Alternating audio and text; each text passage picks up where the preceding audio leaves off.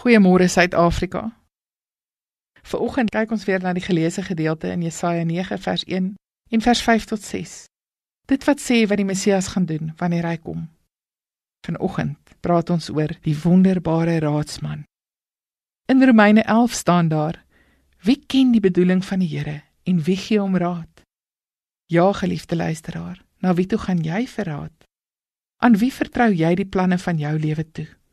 En met wie deel jy die gedagtes van die binnekamers van jou hart? Vir wie vra jy as jy wil weet? As jy antwoorde soek, na wie se raad luister jy? Wie se hulp neem jy aan? So baie keer as ek mense begrawe, dan sê die familie van die afgestorwene: "O, 'n mens kon na hom of haar toe gaan vir raad."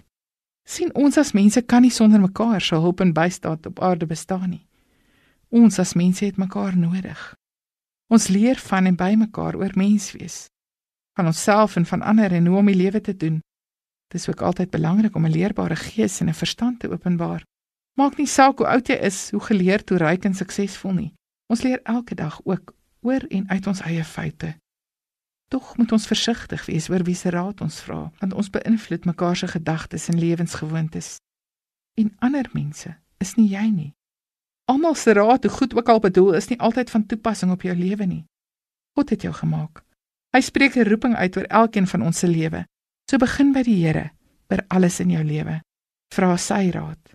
Spreuke sê ken hom in al jou weë en hy sal jou paaie gelyk maak. God se raad sluit God se plan vir jou lewe in. Hy weet die beste. Hy ken jou die beste. Hy wil vir jou die beste gee en die beste in jou lewe laat gebeur. So vra sy raad. Hy is die wonderbare raadsman. Here, as ek U raad vra, asseblief hoor my en antwoord my en bevestig dit deur U woord. Help my dan, Here, om na U raad te luister en dit te volg. Amen.